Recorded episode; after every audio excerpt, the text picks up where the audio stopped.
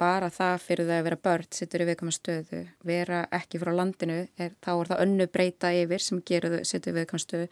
Áfullin sem að lendi, það er þriðja breytan, þetta eru svona hversu margar breytur eru þetta sem að barnið hefur lend í sem að gera það svona viðkvæm. Og ef þau hefur engan, þess að ég segi þetta svo mikilvægt að við sem yfirvöld og, og samfélag tökum auðvitað um þessu börn að því að við gerum þekki á góðan máta, ég get lofa því það er alltaf einhver tilbúin til að rétta þeim út hendi sem hefur þá frekar í huga að alla sér að hagnýta barnið. Þannig er það bara. En við getum með því að reyna að sko passa bæði að þau týnist ekki eða eða ef við látum bara afskipta laus eða hvað, þú veist, þetta er bara líka þessu úlingar, þau vilja líka fara út og stundum gera hluti sem þau megi ekki og þú veist, koma setna heim, þetta eru bara úlingar og þau eru með hormónu og það er alls konar. En ofan og allt það eru þau með allar hinnar þessar þætti sem gera þau svo opasla viðkvæm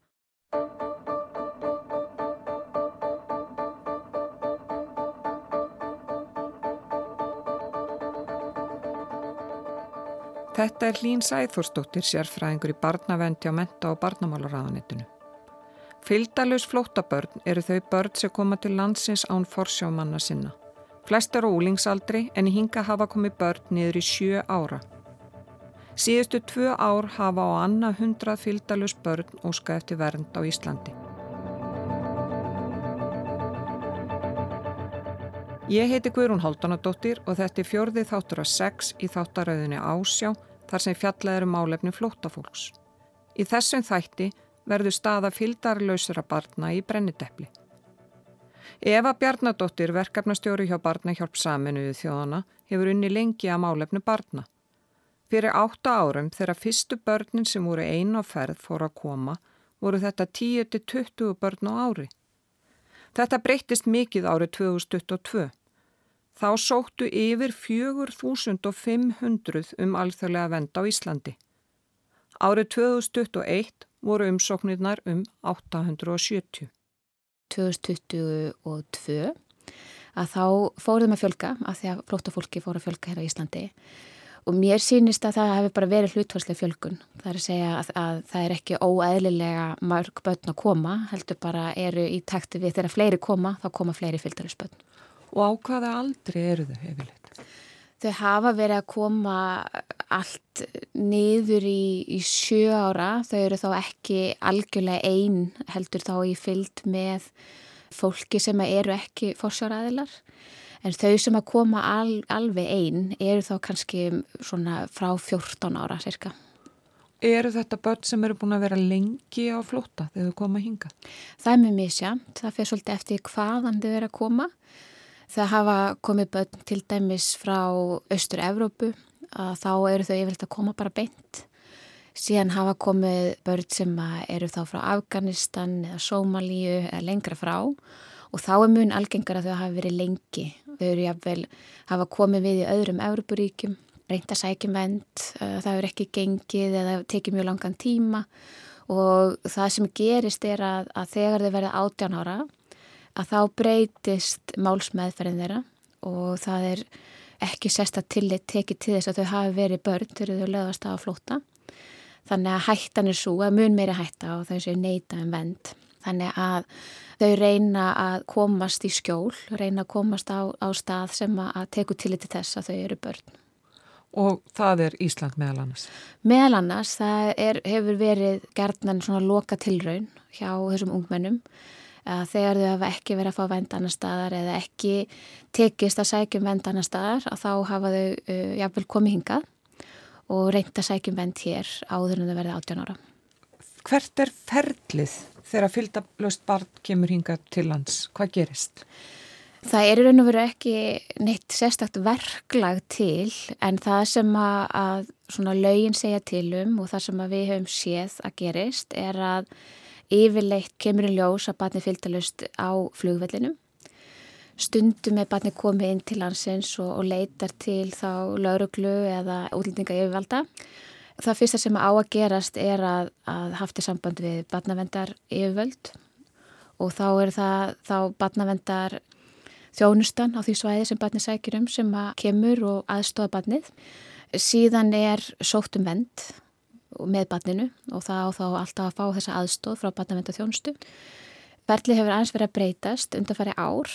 Það var þannig að fengu að gista í húsnæði útlendingastofnunar inn í Hafnarfyrði og þar var sérstakur gangur fyrir fylgdælisbönn.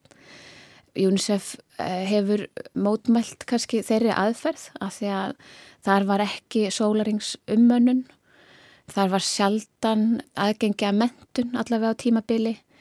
Það var ekki mikil virkni eða tómstundir eða slíkt og UNICEF benti stjórnvöldum á þetta. Eh, þá var farið í að eh, koma börnum að í, í framhaldsskóla og reyna að finna einhver tómstundaúræði. Núna undarfæri ár hefur verið undirbúningi að, að sérstaklega með fjölgun barnana að, að búa til sérstök úræði og það var bara núna nýlega að opna úræði eh, á söðunisum þar sem að börnin eru með meiri þjónustu. Og það eru gistiplás fyrir börn og þar eru meiri umönnun uh, heldur en að hefur verið. Og, og verið að tryggja þessi grundvalla mannrettindi sem eru umönnun og vernd og mentun og, og virkni. Tvö atkvörf fyrir börn sem eru einn á flotta eru reygin í Suðunesabæ en kepplæku flúvellur eru innan sveitar félagsmarka bæjarins. Barnavendi þar annars þess vegna fylgdalus börn sem koma til landsins og á þriðja tug barna er í þeirra umsjá um þessa myndir. Hilmar Jón Stefánsson er félagsrákjafi hjá Barnavend Suðunisabæjar. Hann segir að drengir og úlingsaldri séu miklu meiri hluta. Þetta er 90% drengir. Það mun sjálfgefara að stelpur sé að koma. Það verðist vera algengast að eldsti strákurinn sé sendur. Það er náttúrulega bara mjög dýrt fyrir fjölskyldur að borga fyrir allt þetta ferðalag og, og, og borga fólki fyrir að koma þeim yfir landamæri og útvega einhver skilríki og þetta er mjög dýrt og það er marga fjölskyldur sem leggja allt undir til þess að koma barninu sinu til Íslands eða til annara landa. Þannig að það er algengast að, að hérna, það séu sé strákar sem eru sendir í þess að ferði. Það er kannski með stelpunar, er, þá er það algengast að sé verið að, að koma þeim undan hjónabandi, þá er verið að gifta þær mjög ungar, það er verið að kippa þeim út úr mjög hættulegum aðstæðum og koma þeim út úr landinu. Það er svona algengra hjá, hjá stelpum. Í hvert skipti sem barnsækjur um vendi leifstöð fyrir ákveði ferli í gang?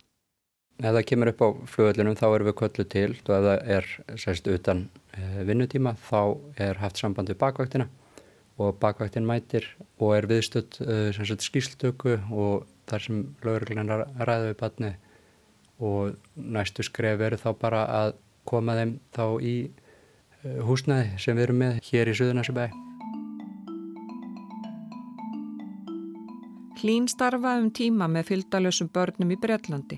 Hún segir ekki sé hægt að bera saman Breitland og Ísland þegar kemur á málefnum barna og flóta. Við erum með líti kerfi og litla innviði til dæmis eins og með við Breitland hverfið sem ég var síðast að vinni í London var jafnstórt fjöldin á Íslandi þannig að við sjáum svona hvað er uh, ólíki rísósarnir sem við höfum.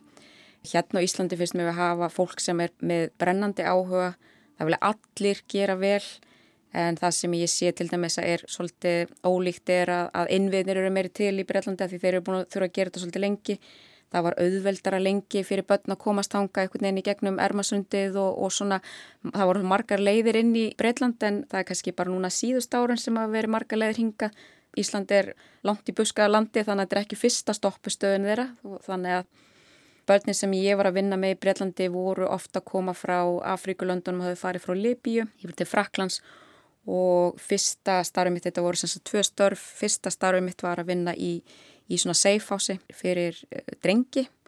Og það var vegna þess að þegar þeir þurftu að rústa hérna flótumannabúðanum Calais Refugee Camp af því það voru vist svo hörmulegar búðir að þeir þurftu að, að rústa þeim. Og þá ákvaðu breski völd að þeir ætla að taka við eitthvað af, af börnum og frakkar ætlu líka að gera það. Og þá fjekk ég vinnu, ég var nú bara nýflutt til London að þetta kom eitthvað alltaf upp í hendunar Þá voru samtök sem við að vinna hjá sem heitir Oasis, þetta eru svona þriðigerinn.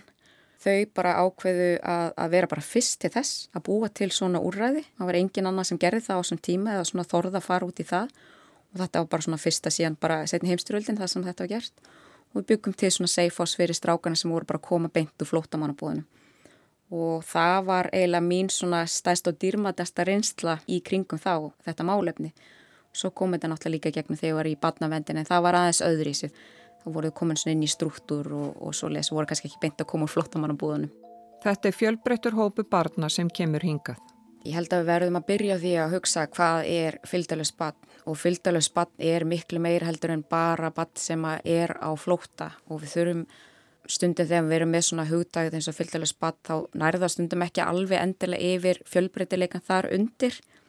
Þannig að því leitinu til segja að innveðni mættu auðvitað verða sterkar og betri upp á það að það er ekki þannig úr með fylgdælusbötn og það er að sama sem virka fyrir þau öll. Fylgdælusbötn eru líka bötn sem koma einna og eru til dæmis sælt mannsali. Þau eru fylgdælus, sérstaklega ekki nema að séu náttúrulega fórildræra sem er komaðu sem er nú ekki kannski oftast. Eða þegar barn kemur yngað og, og fórildri skilur að síðan eftir, þá er það líka fylgdælus. Þannig að þarna undir eru svo margar ólíkar tegundir af börnum og þörfum. Þú veist, við erum alltaf að vinna með svo mikið á ólíkri menningu bakgrunn gildum trú, það var eitt sem ég komst að. Ég man fyrsta skipti sem sá slíf í augum þessar drengja eins og til dæmis sem komu í fyrstu holskeiflunni frá Calais, það var þegar þeir hafði farið í Mosku. Þá voru þeir náttúrulega ekki búin að, en fyrir það var ekkert líf í augunum þeirra. Og þetta eru þessi hluti sem að, sko því ég veit að allir vilja gera vel.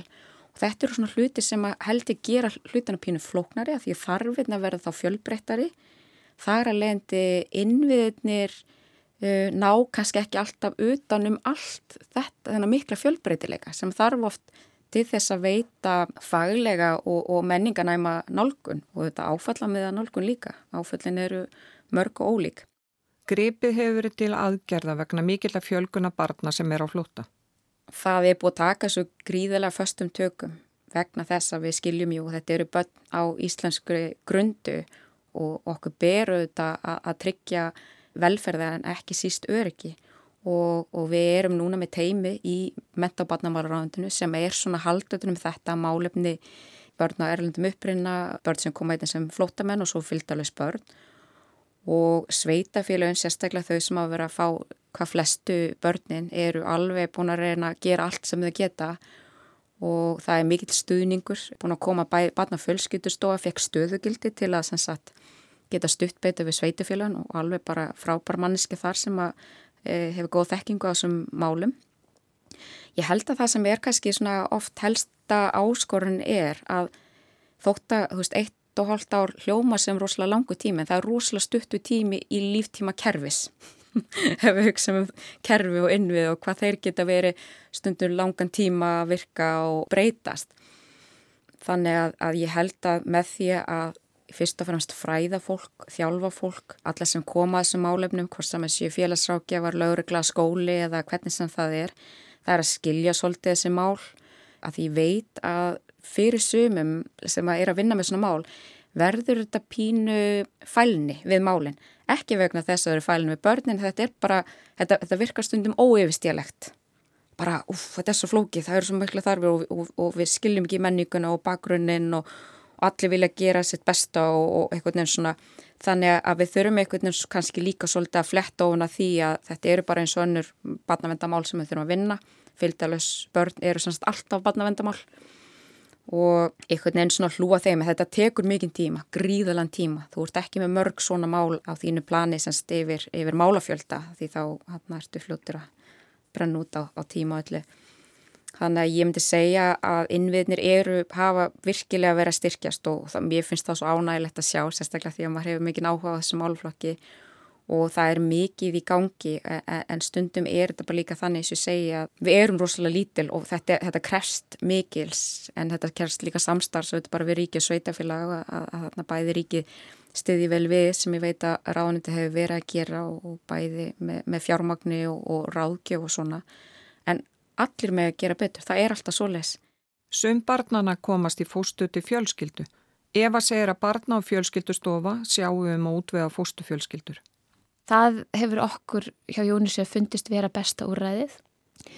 Einmitt vegna þess að þegar að barn kemur svona eitt til landsins að þá vantar það mjög bara tengingar við samfélagið og fjölskylda ger það best svona fylgjaði eftir að bara komist í skóla og geti menta sig, kynnist fólki í landinu og, og læri tungumálið. Og það hefur svona verið það sem við hefum kannski verið að þrýsta á að, að stjórnvöld leggja áherslu á að þessir einstaklinga fái, fái þessa þjónustu. En það sem hefur kannski líka verið hindrun er að eru aldurskreiningarnar af því að bötinn fá ekki að neina slíka þjónustu nema eftir aldurskreiningu og rökin fyrir því eru þau að badnavendur úrræði er náttúrulega bara fyrir börn en ekki fullorna Þannig að það þarf að fyrsta gangu skugga um að þarna séum börn að ræða eh, áður en þau fá, fá þessa þjónustu. Og aldursgreiningar, eh, hér á Íslandi þá er byggir það á gögnum á tönnum eða ekki? Það eru bæði rannsóknir á tönnum, kjálka og, og hérna líka úlisbeini og þá er verið að byggja á gögnum sem að eiga að sína það að hvernig sagt, uh, þessi líkamspartar bara þroskast með aldri og og, fólk telur sér geta lagt mata á aldur innan einhverja skekkjumarka. Uh, ég held að, mér minnir að skekkjumarka séu tvö ár. Og það, er, það sem okkur er sagt að, að gerist er að, að þegar að niðurstæðan kemur að þá sé það tólka einstaklingum í hag. Þannig að ef ykkur vafi leikur á um að hvort af um batn eða, eða fullanum sé að ræða þá, þá sé það freka tólka þannig að við komum til sé batn Og þau hafa enga möguleika á að neyta að fara í slíka aldurskreiningu? Jú, þau hafa réttin á því að, að neyta fyrir aldurskreiningu. Uh, þá á að fara fram bara annars konar mat. Þá er bara lagt, lagt mat á þar upplýsingar sem eru til staðar sem að getur þá verið eitthvað gögn eða, eða annað bara sem að í frásögn eða, eða slíkt. Þá bara reyna stjórnvölda að, að koma staði hvað, hversu gamalt batnið er með öðrum hætti. En ég, ég, ég held að það sé mun algengara að börnin fari í þetta aldursmat mitt af því að það er kannski hérna, á að, að sína fram á að, að þau séu börn sannarlega. Ef það liggur ekki fyrir staðfestur aldur þá getur efnismæðferð hjá útlendingustofnun ekki farið í gang. Þannig að það er í rauninni fyrst í flöskuhálsun sem þarf að komast í gegnum. Þannig að við í rauninni getum ekki fara að leita af fósturheimili fyrir börn sem er ekki með staðfestan aldur og fyrir okkur og fyrir börnin er ótrúlega mikilvægt að, að sábyðtími sé sem allra stiðstur. Viðtölum fara fram til dæmis í batnahúsi sem útlendingarstofnun tekur við börnin og þau fara ekki fram fyrir aldurskanningin. Þannig að við þurfum í rauninni helst að býða eftir að aldurskanningun liggur fyrir og batnahúsi búið áður en við getum fara að leita af fósturheimli. Og þess vegna er svo mikilvægt að við séum með svona heimili eins og við erum að reyka hérna í Suðunisubæi til þess að geta verið að sinna þeim og verið að þjálfa þau við erum með námskeið þar sem er verið að kenna þeim íslensku aðlagast, eh, íslensku samfélagi kenna þeim allt þetta basic hreinleiti og alls konar og, og, og út frá þörfum hvers veginn þetta er mjög ólíkur hópur sömur eru bara að koma á einhverju efri stjætt og það er eins og eitt strákur hérna sem er, hann er bara er í háskóla í Úgrænu og, og við erum með eina stelpu sem hérna kann ekki að lesa og skrifa og allt þar á myndli.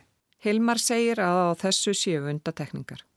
Þegar börn eru í sérstaklega viðkvæmri stöðu og við, við teljum að þau þurfu að vera með fjölskyldu þá veist, þá förum við alveg í það að finna heimili áður en þetta likur fyrir. Þá er það okkar mat að viðkomandi er sannlega bann og þarf á þessu að halda.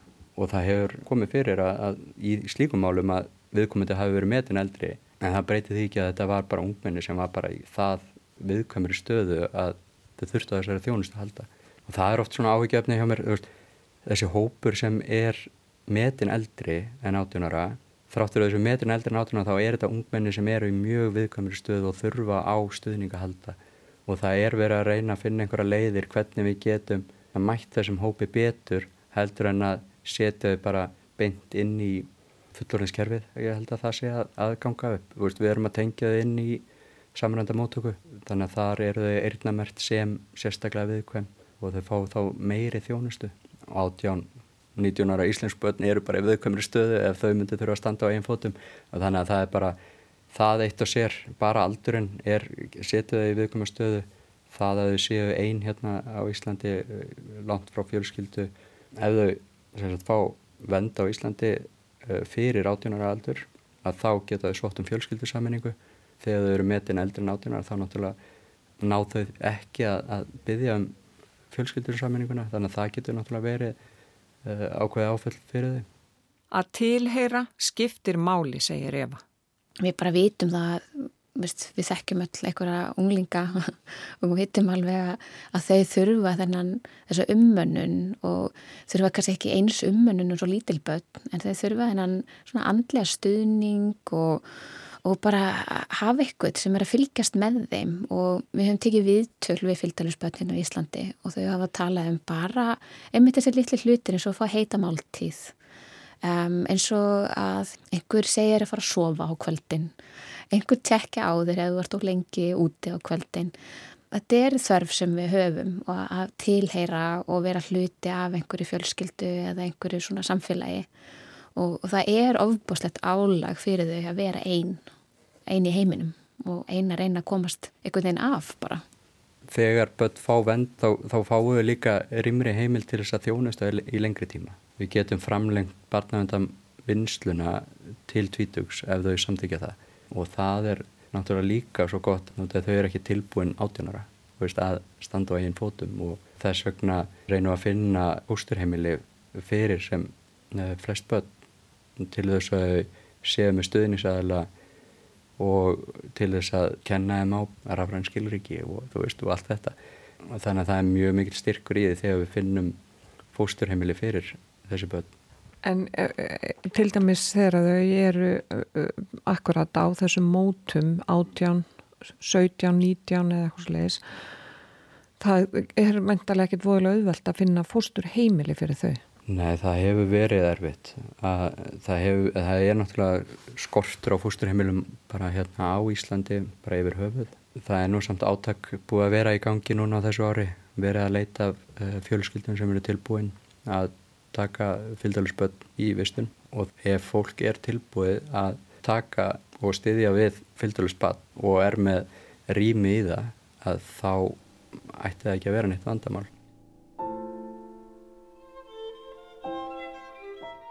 Við vitum það bara frá svona alþjóðlegum rannsóknum að meiri hluti þeirra eh, sem koma frá svona stríðshrjáðum löndum að þeir eru með áfallastreitu röskun. En það er eitthvað lægra hlutfall hjá þeim sem eru hins vegar að koma bara í leita betra lífi sem er náttúrulega samt skiljalegt, ég menna að þú ert í landi og það er eitthvað neginn, er, þú sér enga framtíð fyrir þig og svona, en, en, en svona góðu heitli að þá eru aðstæðunar þó betri þar og í þeim hópi.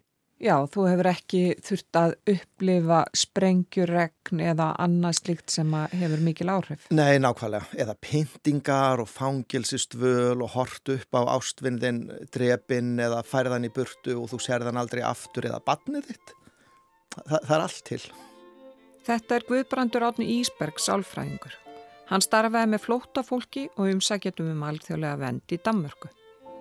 Þegar ég útskrifaðist í Danmörku 99 frá Árásarháskóla að þá var fyrsta starfið mitt var á sérhæðri hérna, meðferðar og endurhæfingarstofnun í Álaborg fyrir svona traumatiserað flótafólk og, hérna, og þetta var þá í raun og veru svona sáhópur sem hafði hérna, verið versleikinn. Og þetta var stór hópur fólks til dæmis frá hérna, fyrirverandi Júkoslavíu, Bosníu og Kosovo og, og svo náttúrulega frá þessum löndum sem svo lengi hefur verið flóttið frá eins og Írak og Íran og Afganistan og Sri Lanka og, og þarna var manni algjörlega bara flekt út í uh, djúbulöginna og þar var ég í þrjú ár og svo var ég í fimm ár í hérna svona allavega á þeim tíma stærsta gett og í Norðurlanda fyrir bæði flóttafólk og innflytjandur og svo kom ég heim 2007 og var þá svona fyrstu árin uh, þó nokkuð að vinna mikið með þennan hóp og ég reyndar hef sjálfur ekki unni mikið með þennan hóp að því að bara kerfið hefur breyst e, varandi að þá komið góðu heitli aðri rað og þá hef ég komið e, töluvert að með e, svona bæði með fræðslu og líka bara með handleðslu fyrir þá, þá sem hérna koma að þessum uh, hópi. Guðbrandur tekur undir með efu. Það skiptir miklu máli að tilheyra. Sum fyldarlaus börn fara í fóstur og, og verða þar af leiðandi bara svona einn af fjölskyldunni. Og það er ótrúlegt að hérna, svona, hérna á árum áður því ég var ennþá að vinna svona beint með einstaklingana að sjá ungling koma og eh, svona í ekkit allt of góðu ástandi en eftir því sem mánuðinni liðu að, að sjá hvernig viðkomandi bara fór að brosa meira og var fann að sofa meira og svona bara uppliði sig meira og meira. Þannig að þessi svona grundvallar atriði varðandi að upplifa að ég tilheyri einhverjum hópi og ég skipti eitthvað fólk máli. Þa, það, það skiptur ótrúlega miklu máli þrátt fyrir að viðkomandi hafi kannski ekki séð foreldra sína í einhver ár og vissi ekki einu sinni jafnvel um afdrif þeirra eða sískina sinna reynstaðir af heiminum og, og hvernig maður kemur sér áfram og allt þetta er. Og, og, og því, það er svo sætt eins og við unlinga, Ma, maður sér eðlilega að, hérna, ekki mikið af einhverjum börnum sem eru, ekki, eru ekki komin á gelgjuna á flóta sem betur fyrr þannig að við erum að tala um sagt, unlingar sem eru komnir yfir gelgjuna og svo fremlegis yfirleitt. Og það sem er svo sætt við hennan hóp eins og við bara allir vitum sjálf að þetta er þessi tími þar sem við erum svona að ítataldi foreldrum og fjölskyldu frá okkur til að, að svona, hérna, meta okkur inn í okkur eigin hóp og svona. Þannig að þetta er ofslega viðkvæmt tímabil. Það er maður náttúrulega að læra svo margt þannig að, þannig að upp, á, upp á það að þetta verði manneskja sem bara svona gerir sér vel í samfélaginu jú það þarf að hlúa vel að þessum hópi. Í raun og veru bara eh, á annan máta en börnum en enguða síður að hlúa mjög vel að þeim. Þetta er Ítil og hún er frá Somalíu. Hún er rúmlega tvítug og með alþjóðlega vernd á Íslandi. Ítil var ekki nema átt ára þegar móðurinnar flúði með hana og yngri sískinni til Úganda þar sem þau byggu í Nakivale flótamannabúðunum. Nakivale búðurnar er í suðvesturluta Úganda, ekki langt frá landamærum Tansaníu. Búðurnar eru áttundustæstu flottamannabúðir heims og þar búa um 120.000 manns. Það hafa verið starraktar síðan í kringum 1960 og eru því með eldstu flottamannabúðum heims. I lost my mom and uh, we are Ídil og sískinennar eru sjötalsins og Ídil er eldst. Þegar mammanar dóur krabbamenni 2021 eftir að hafa greinst árið 2017 hafði fadur þeirra samband og vildi fá þau til sín. Þá hafði Ítil og fjölskylda ekki verðar árum saman. Pappinar krafðist þess að þau kemi undir eins en hann gaf þeim ekki neitt möguleika á undankomu þrátt fyrir að ástandið í Sómalíu séu ömurlegt. Ekki síst fyrir ungar konur, segir Ítil.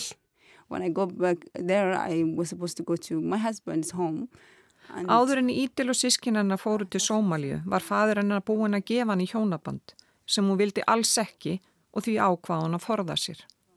Móðir Ídil yfirgaf eigimanninu í rauninni allt sitt þegar hún fór til Uganda.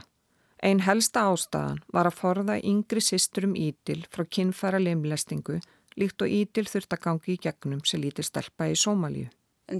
So Ídil segir hana ótrúlega sterka mannesku sem hafi kent henni svo margt. Ekki síst hafði hún kvartan að standa á eigin fótum.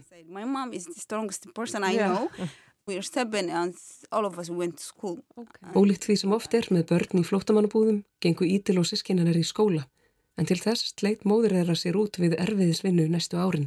Uh, and, uh, actually, uh, uh, Þetta var hins vegar ekki í fyrsta skipti sem Ítil var gefin í hjónaband. Því þegar hún var 16 ára þá tókst móðurinnar að koma í vekk fyrir þann gjörning. Ég var alltaf hrætt við að snúa aftur. Ídil fekk aðstof frá frænkusinn í Kenya sem borgaði smiklaranum sem átt að koma Ídil til frænkusinnar á Írlandi. Ídil vissi raunni ekkert hvað hún var að fara út í, annað en að hún yrði að forða sér undan því að vera gefin í hjónaband. Smiklarin var hins vegar ekki trösinsverður og því endaði Ídil á Íslandi, ekki Írlandi. Því í ljós kom að það vantaði vegabröðs árautnöndu Breitlands og lengra færi þau ekki fyrir en hún var í höfn. Þegar þarna var komið var Ídil farin á óta smiklaran og þegar hún átt að vera í felum með honum í þrjá sólarhinga í einhverju húsi á höfuborgarsvæðinu, sagði Ídil nei. And I was like, I'm not going with you to the house. I was outside and there was chaos.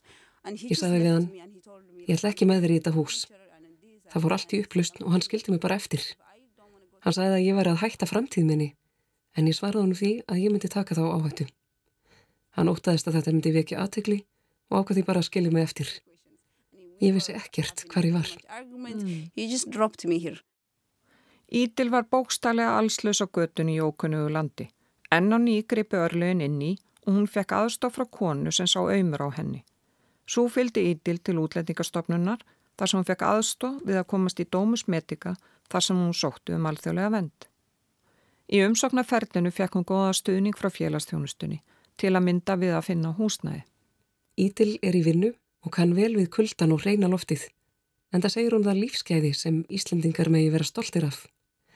Ídil er að læra íslensku og vil endilega læra hana betur því hér vil hún búa og verða hluti af íslensku samfélagi. And it's really too amazing to, be, to belong somewhere. Viðmælendur í þættinum eru sammála um hversu viðkvæmur hópur fylgdalus börni eru og fáir jafn útsettir fyrir ofbeldi og þau.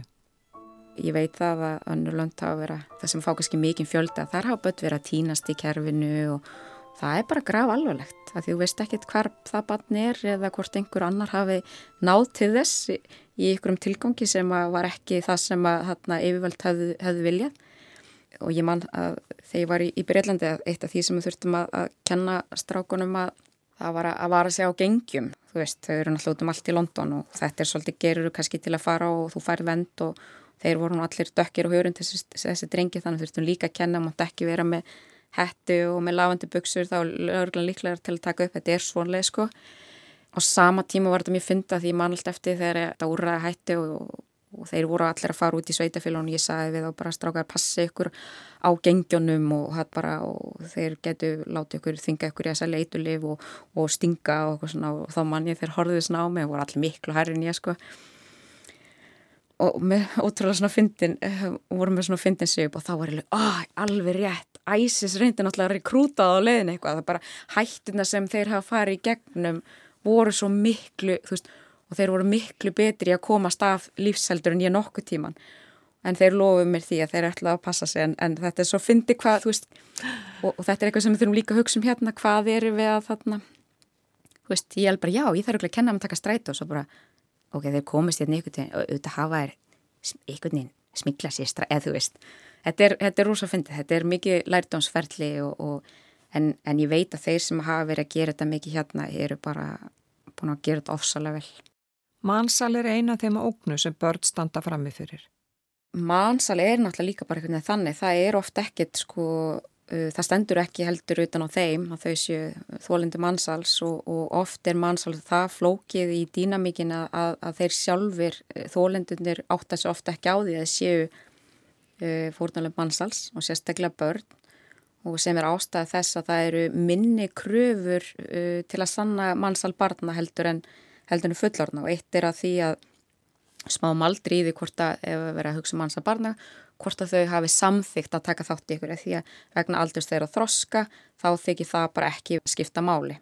Og með við horfum aðeins öðru sáta sönnunabyrðina fyrir fullorna Sum börn alltaf bara fyrir sum hefur þetta bara kannski verið líf þeirra. Stundum er það fórildrar sem var svona kannski reyna að koma um til einhvers lífs eða senda þau ykkvert og þetta er, þetta er, svona, þetta er allavega hana. Hlín segir að mannsalegi sé marga hliðar. Hún nefnir sér dæmi þegar börn eru nótu til að fá bætur eða þau beitt kynferðislegu ofbeldi. Ef líf þeirra hefur kannski oft verið svolítið mikið eimt að þá sjá þessu kannski ekki alltaf sem, sem fórnunum borundar er að þannig mjög ofta fæst gera það En jú, það hefur vissilega komið upp grunur og ég, ég veit að það hafa komið upp, upp mál en við verðum samt að fara að líta á það að við meðum ekki setja annan, annan stimpil og önnu gildi á þá sem eru ekki íslendingar. Við meðum ekki alltaf að hugsa bara já þau eru nú svo vön þessu að vinna svona mikið, já þau eru nú vön því að búa svona mörg saman, já þetta er nú betur en að hafa í heimalandinu. Það er eitthvað sem við þurfum að, að við þurfum að taka svolítið þessi gleru á okkur til þess að skilja hvað eitthvað sko er ekki endilega rétt, bara þetta er alls ekki rétt og bara því einhver manneskja finnst alltaf lægi að vera í einhverju aðstæð því hún fær kannski betur borgað að vinna 11 tíma á dag heldur hún færi heimalandin sinu þá þýðir ekki að við erum að notfara okkur það. Það er pínu þetta sem að svona þetta snýst um og mannsal er nefnilega ekki þetta að einhverjum sé alltaf rænt og haldið og, og það er kynfæslega misnótkun og, og, og þingaði vændi sem er svona og, og einhver kemur og öskrar á hjálp það er bara, það er það sem við kallum svona ideal victim paradigm sem að það er sjálfnast þess vegna eru þessi mál oft svo erfið og flókin og, og svo kannski eins og með þessi börn. Það gæti verið hótanir í heimalandi og, og alls konar svona og þetta er það sem að gengur líka út á eins og með fylgdalösu börnin eh, af hverju maður vill auðvitað enginn ná til þeirra sem ekki að gera. Það er bara alls konar hótanir og, og þvinganir sem, sem geta verið í, í kringum það sko. Þessi börn eru líka í hættu að vera seldi í uh, mændi. Já, það er það og, og hvort sem það sé fyrir peninga eða greiða eða hvernig sem það er. Mörg þeirra eru með mikla áfallasögu á bakinu. Þessi börn eru náttúrulega öll með gríðarlega áfallasögu og það gerir þau að þessum viðkoma hóp. Þau, það er áfallasaga. Það er áfallasaga í rauninni áður en þau leggja staði í þetta ferðalag. Og ferðalagið er áfallasaga. Veist, það er áfall og áfall og það getur verið mjög erfitt að mæta þessum hópi á fyrstu mánuðinu, fyrsta árinu út af því að þau eru enþá bara einhvern veginn í óvissu, þau eru enþá í það mikill óvissu með framtíðina sína, hvað verður um mig, hvar verð ég, fæ ég vend, þannig að oft eru þau ekki tilbúin einhvern veginn að fara að vinna í sínum málum á svona fyrstu stegum málsins, en þegar þau eru kannski komin inn á fósturheimili eða, eða í sjálfstæða búsetu og eru orðin byrjuð að finna fyrir þessu öryggi, þá er hægt að byrja að vinna með þessi áföll. Varðandi svona mannsal það hafa, það hafa komið mál sem er grunur um mannsal og, og mér finnst það líka svolítið flókin umræða veist, hvað er mannsal og það er eitthvað svona sem ég verið að velta svo mikið fyrir mér svona undarfæri er mannsal þegar er verið að flytja veist, út af mannsal er þegar verið að flytja börn fyrir peninga á milli landa og flesta af þessum börnum eru að borga uh, smiklurum peninga og stundum eru það bara börnin sjálf sem skulda hennan pening, stundum eru það fjölskylduna sem eru að leggja mikið undir, selja land eða selja eitthvað sem þau eiga til þess að koma barninu á leiðanenda. Það er svona á ég erfitt með, þú veist svona, áttum á þú veist, veist, þegar maður sér einn svona mannsal fyrir sér þá sér maður náttúrulega eitthvað svona mannsal svona kynlífstengt eða vinnutengt eða eitthvað slíkt sko. Það er náttúrulega sjálfgefara en það hefur komið upp mál sem eru þannig. Það er náttúrulega rosa margt sem hættir að gera betur og það er alltaf hægt að gera betur. Og, og ég hef náttúrulega verið að vinna í þessum málaflokki frá 2015 og, og, veist, og ég hef verið einhvern veginn að sjá að við erum alltaf að gera betur og betur. Og þannig að alltaf þegar við erum að taka framfara skref og þú veist og ég trúi því að allt sem við erum búin að vera að gera þessi ár sem ég byrjaði einhvern veginn að vinna í þessum málaflokki hafa verið framfæra skref og oft eru þessi framfæra skref gaggrind harðlega fyrir en þeir sem eru kannski að vinna í þessum málumplaki sjá bara svona, já en þið viti ekki hvernig þetta var áður en þetta kom inn. En það er náttúrulega sko eins og við komum inn á þann byggtíminn er svakalega erfur og því ef við náum að styrta byggtíman þá það hefur gríðarlega áhrif og opnar fyrir svo margt. Það opnar og það kemur þessum börnum fyrr í bara í öryggi og í stöðuleika og það er það sem þau þurfa. Það er grundvöldunum fyrir því að þau geti tekið næstu skref. Og það er meiri það er meiri sér betra fyrir þegar þrátt fyrir að þau eru metin eldri en átjónara þá er betra fyrir þau að það gerist fyrr heldur en setna út af því að þau þau þurfa líka á stöðuleikanum og þau þurfa að fá sér svör og oft vita þau alveg að þau eru eldri en átjónara og eru bara eru að vonast til að vera metinn yngri og ég bara hef fullan skilning á þú veist það er bara eitthvað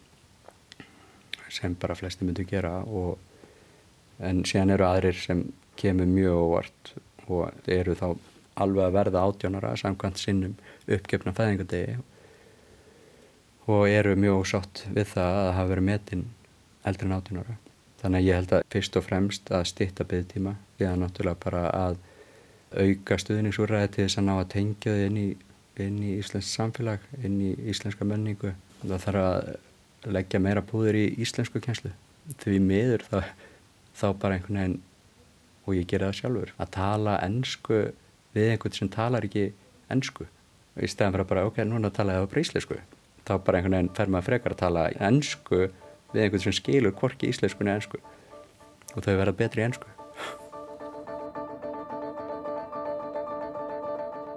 Íslensku kjensla verður um fjöllunarhefni sjötta og síðasta þáttar ásjár en í fymta þættinum skeknust við baku tölurnar með fulltrúum útlendingastofnunar, kæru nefndar útlendingamála og ennbættis ríkislörgustjóra.